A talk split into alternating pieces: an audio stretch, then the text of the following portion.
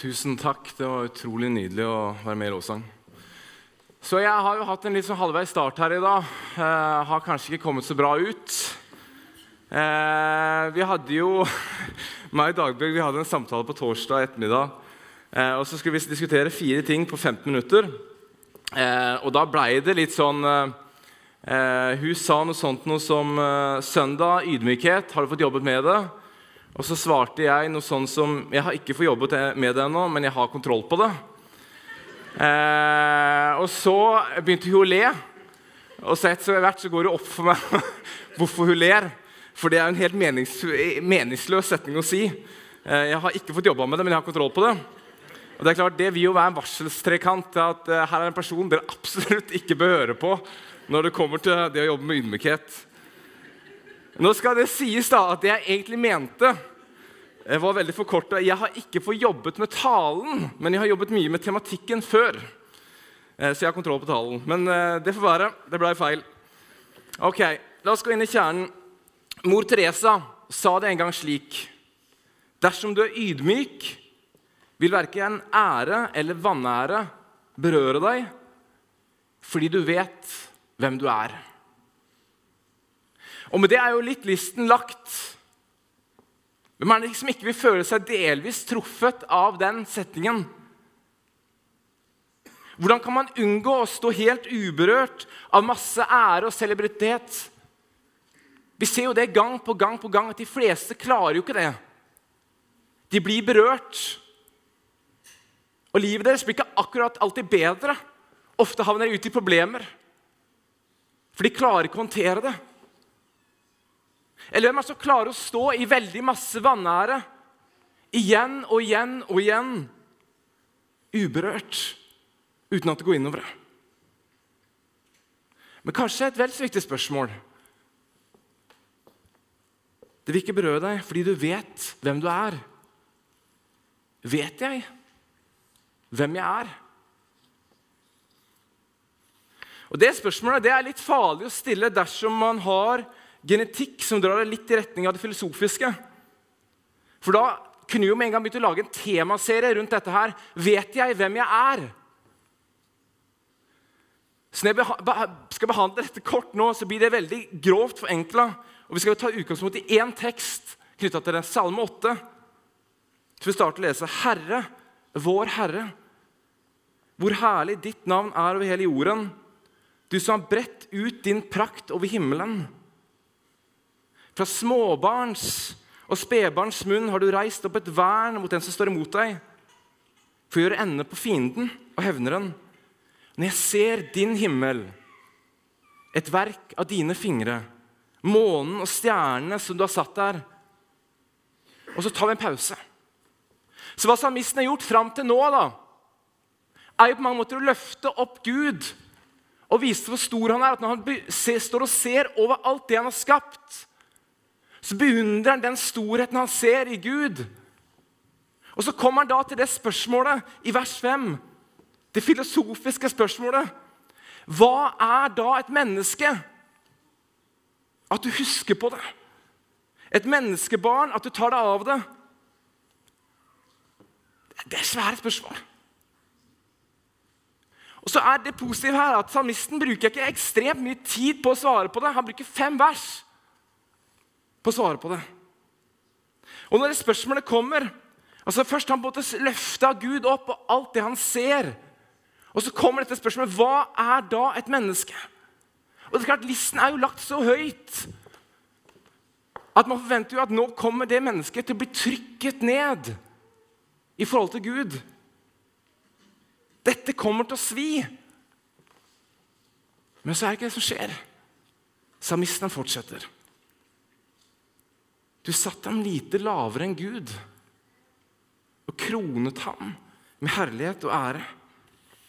De gjorde ham til verk, herre over dine henders verk. Alt la det under hans føtter.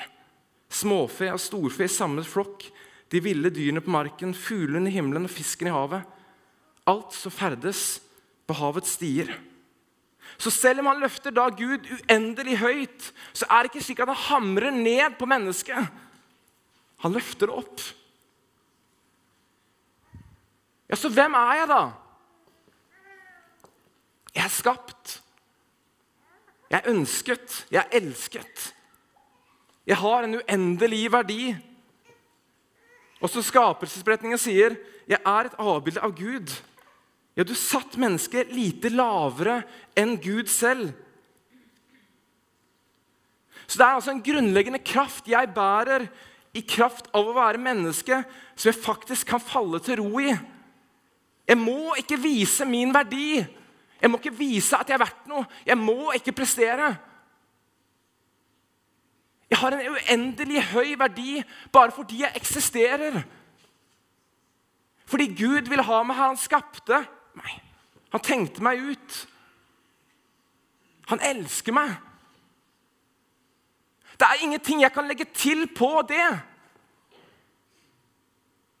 Fordi jeg har allerede fått det. Hvis ikke så hadde jeg ikke vært her. Han vil meg.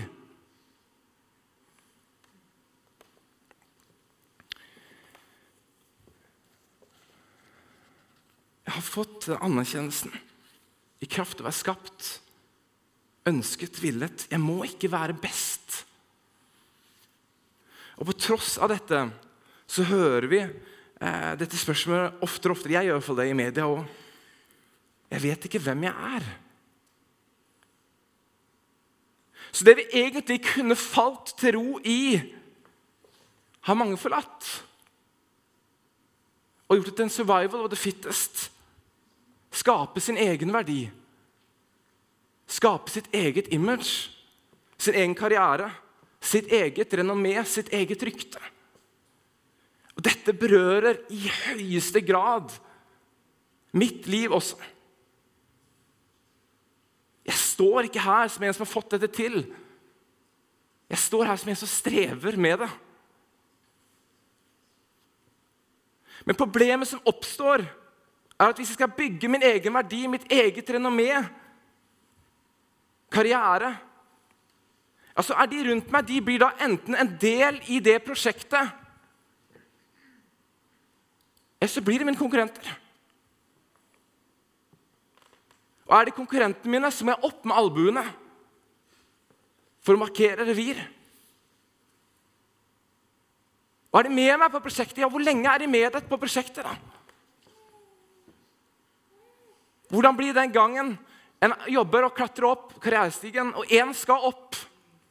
Dere har vært kompanjonger om det samme prosjektet. Én skal opp. Men det handler om meg, min verdi, min karriere min ære.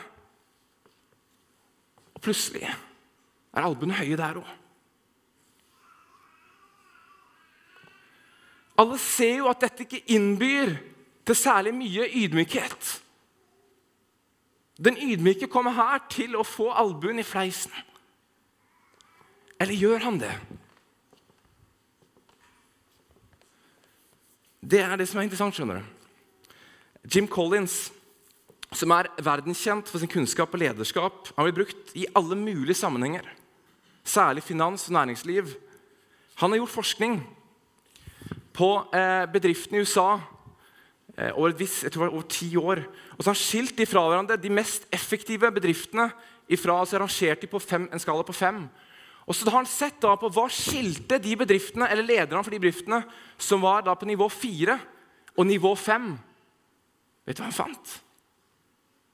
Forskjellen på det var at lederne på nivå 5-bedriftene var ydmyke. Det var det ikke på nivå 4. Hva kan være grunnen til det?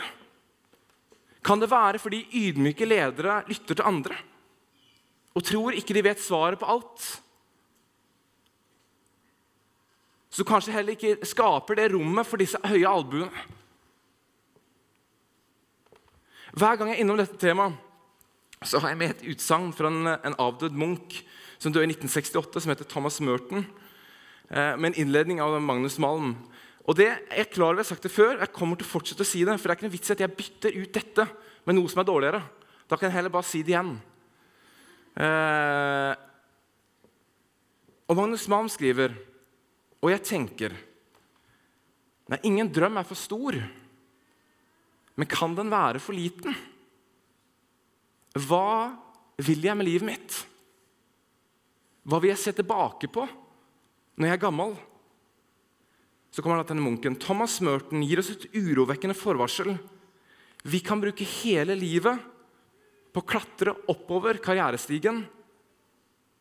Men når vi er oppe, så kan det hende vi oppdager at stigen hviler mot gal vegg. Hviler stigen din mot gal vegg? Trenger vi en stige i det hele tatt?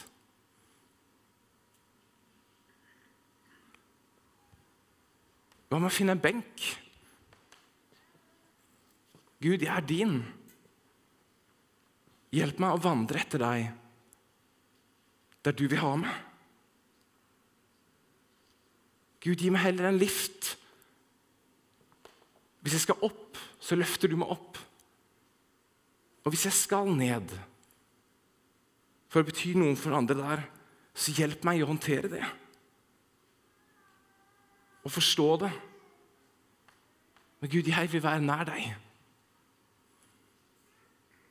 Kan det være noe nettopp i dette?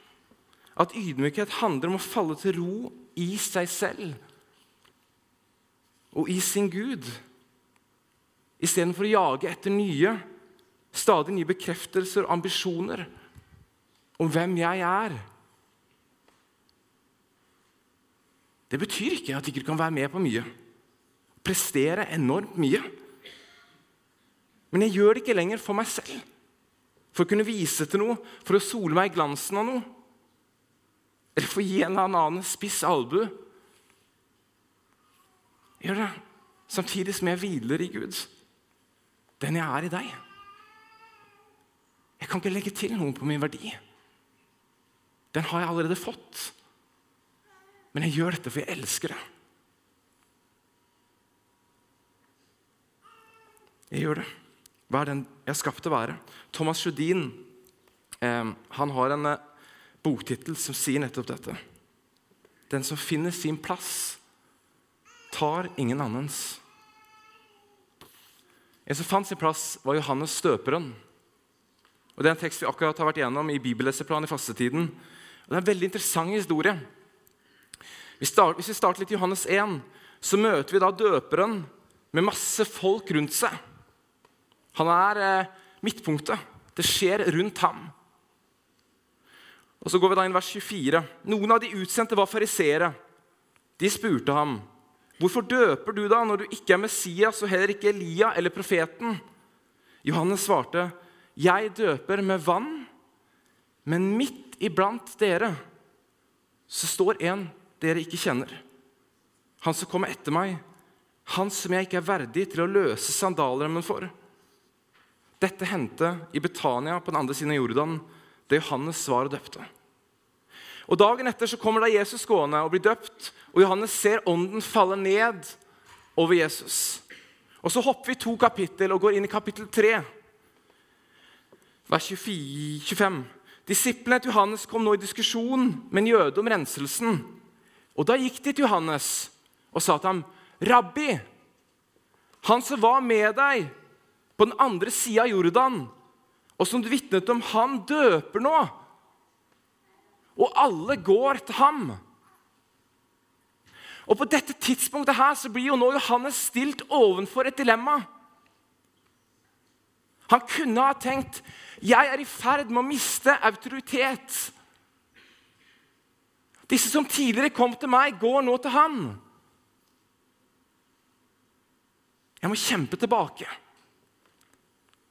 Han kan kjenne på følelsen og frykten av å miste posisjon, miste sin status, miste anseelse. Eller han kan tenke jeg har min plass i dette.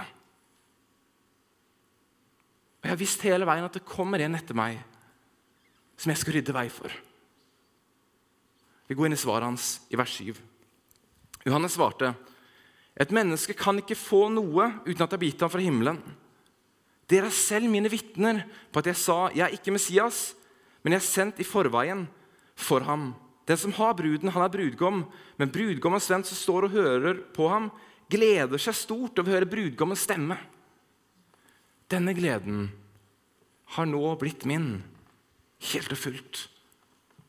Han skal vokse. Jeg skal avta. Den som kommer ovenfra, står over alle.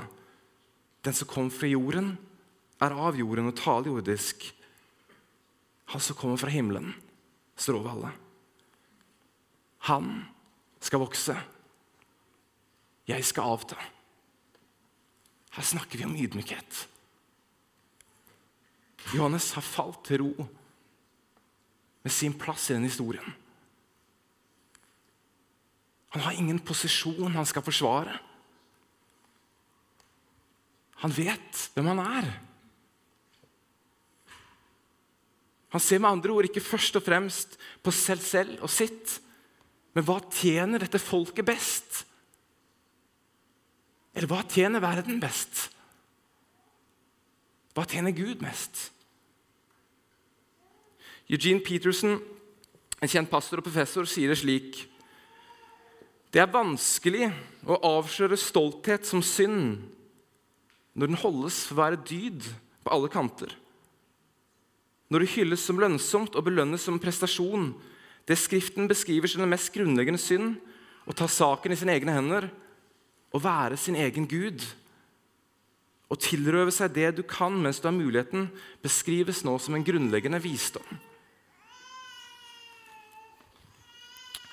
Eh, I middelalderen så ble stoltheten regnet som en av dødssyndene. Og For kirkens første eh, munker så var stoltheten den aller, aller største synden. Fordi den bygde på seg så mye annet. For den som er stolt, den vil jo ha problemer med å innse sine feil. Så hvis du i utgangspunktet da har en god del ting som du har problemer med, men du i tillegg er stolt, så vil du ha utfordringer med å se de utfordringene sjøl. For det er ikke rom for det. Så Den tidlige kirke var da veldig opptatt og spesielt munkebevegelsen, at de skulle, måtte, skulle, få sin ære. At den ikke skulle komme fra mennesker, men fra Gud. For de mente at den som venter på den æren som kommer fra oven, har per definisjon heller ingen selvbilde. Han må opprettholde her nede. Og Kanskje hvis vi ikke har et selvbilde som vi sjøl skal opprettholde her nede, vil ikke ære og vanære gå inn på oss i like stor grad. Går inn i Lukas 18, vers 9. Til noen som stolte, stolte på seg selv og var rettferdige og så ned på alle andre, fortalte Jesus denne lignelsen. Og Da snakker han til de stolte. To menn gikk inn i tempelet for å be.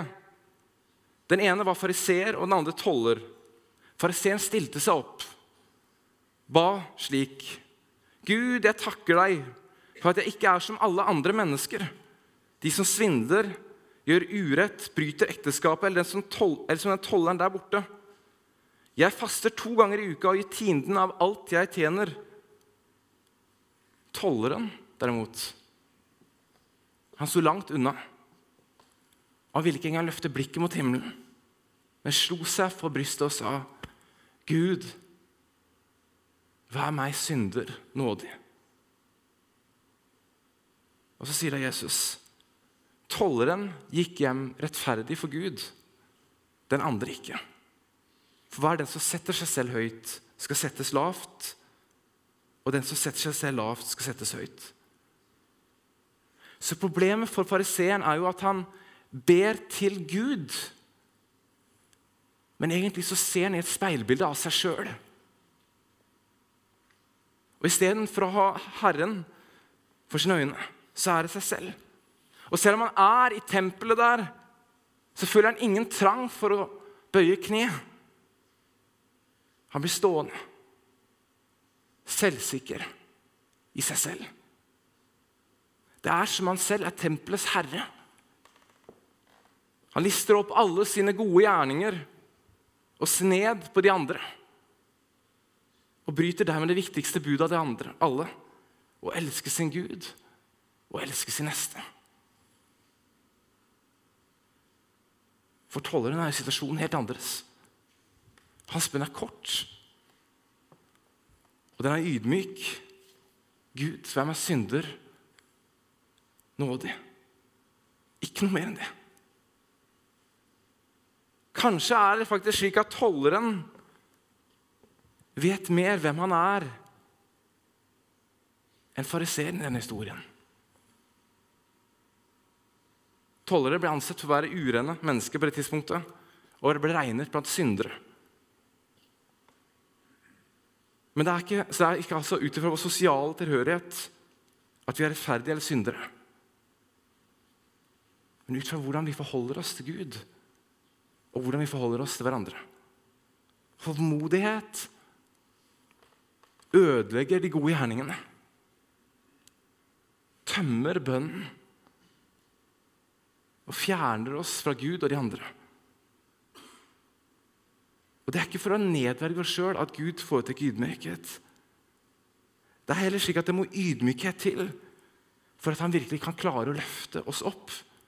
Og at vi kan få kjenne på den barmhjertigheten som kommer når han fyller våre tomrom, som vi alle har.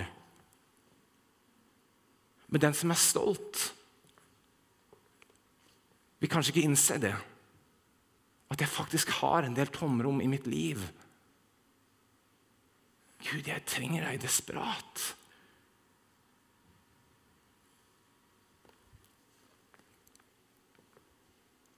Kanskje er det største faren med stoltheten at vi blir blinde for våre egne svakheter. Akkurat som fariseeren gjorde. Det var ikke posisjonen hans i seg selv som var problemet. Men kanskje stigen hans nå hvilte mot feil vegg. Kanskje han ikke egentlig lenger trengte Gud. For han hadde selv, kanskje uten å merke det, gjort seg selv til Gud. Faren er at vi kommer dit og ikke lenger forstår at jeg er avhengig av deg, Gud. Jeg trenger deg. Fordi jeg ser at jeg kommer til kort. Både mot deg, mot min kone, mot mine venner, mot mine barn og mot min neste.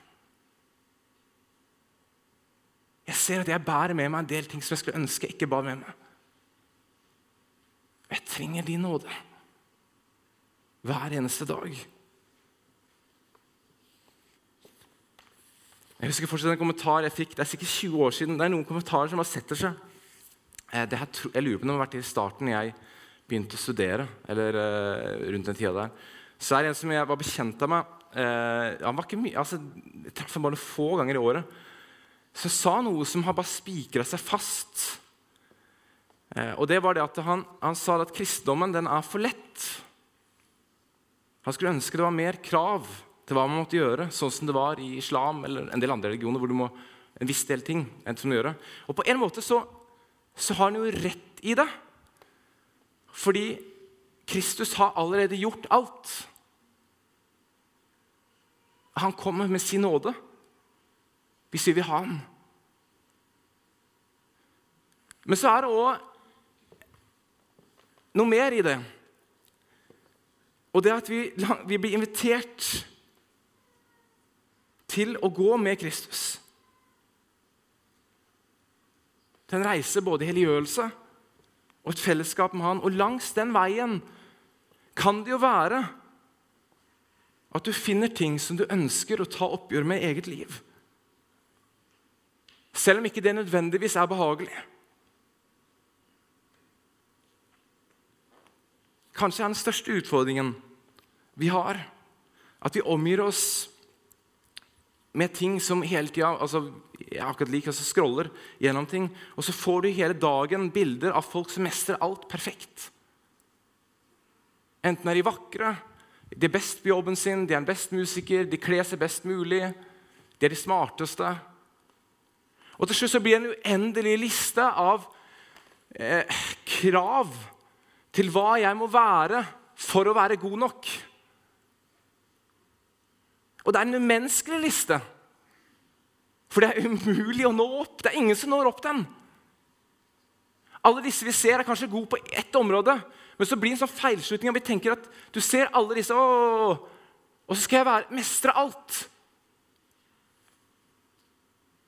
Så er faren at vi går inn i hamsterhjulet. Og så glemmer vi den hvilen vi er invitert til. At jeg kan hvile ut ifra min uendelige verdi i kraft av å være menneske. Jeg trenger ikke å prestere noe som helst. For det er ingenting av det jeg presterer, som kan legges oppå det at jeg er skapt, jeg er elsket, jeg er ønsket. Jeg er villet.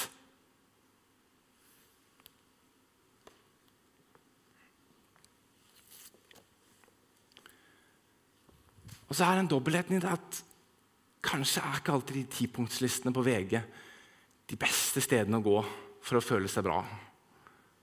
For vi kommer ikke til å nå opp uansett. Og Samtidig så er det av og til ting i livet som vi må jobbe med.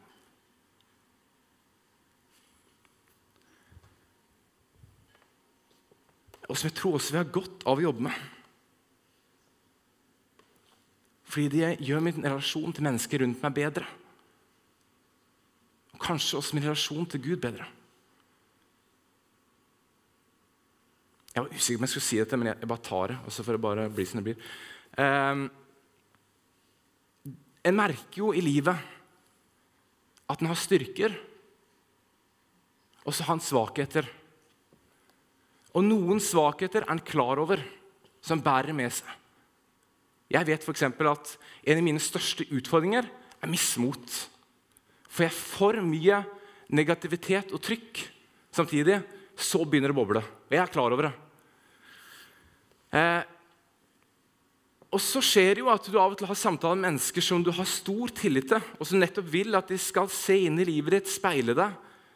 Og jeg liker at de òg kommer med en sånn vakker form for kritikk. Eller ikke kritikk, men de, de ser at her Andreas, her er det ting som du kanskje må se på. Og Det skjedde meg for en, et halvt års tid siden. og Jeg har en veileder eller en mentor som jeg snakker litt med. Så sitter vi og snakker om mye forskjellige ting, mange prosjekter. Eh, og så sier han noe til meg. Eh, 'Andreas, er du grådig?' Og så tenkte jeg oi, her nå er vi i dybden. Er jeg grådig? Og så begynner Jeg først å tenke, altså jeg vet at jeg har potensial til å være grådig. For det har jeg visst siden jeg var ung.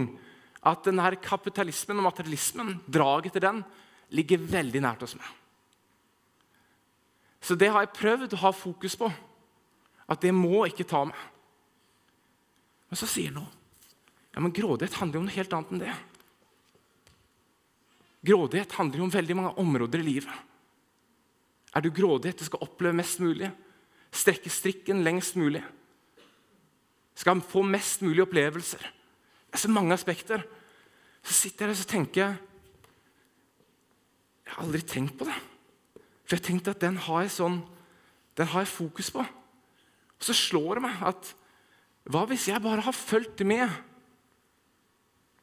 på den laveste delen av muren, der jeg vet at der er jeg mest sårbar? Men uten at jeg merka det, så har det krøpet inn andre steder. Kanskje jeg er grådig?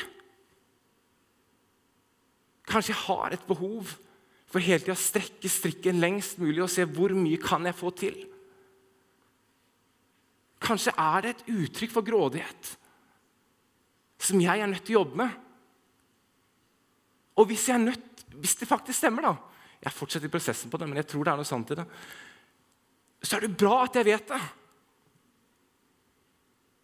For det vil jo fort å berøre mennesker rundt meg.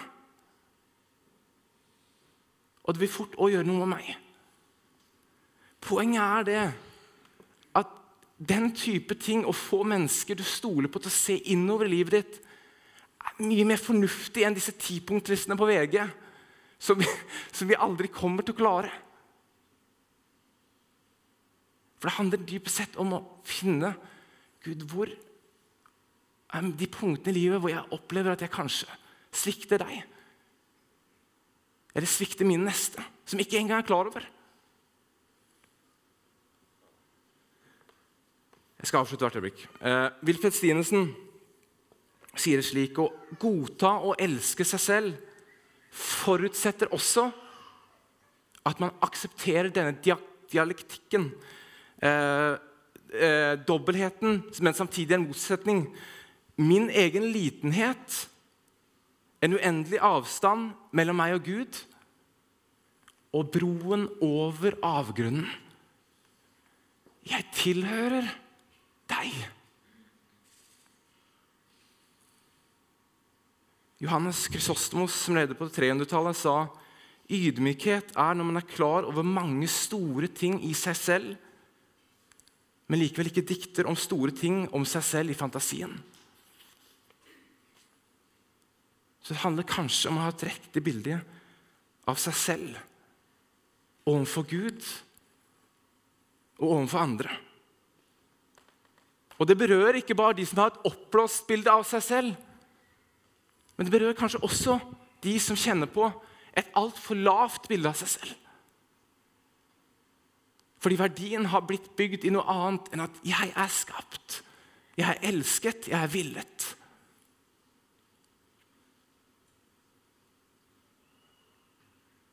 Ydmykhet skaper et rom til andre for å vokse rundt det.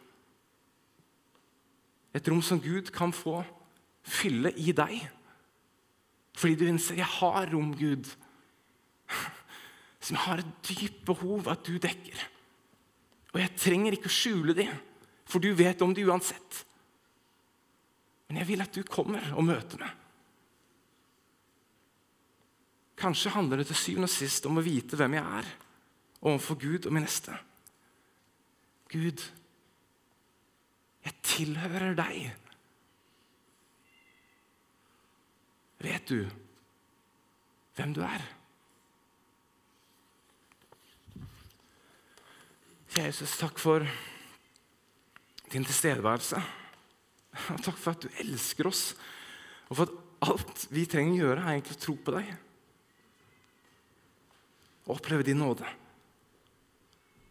Og så vil jeg takke for at samtidig som det så blir vi invitert inn en reise til å følge deg.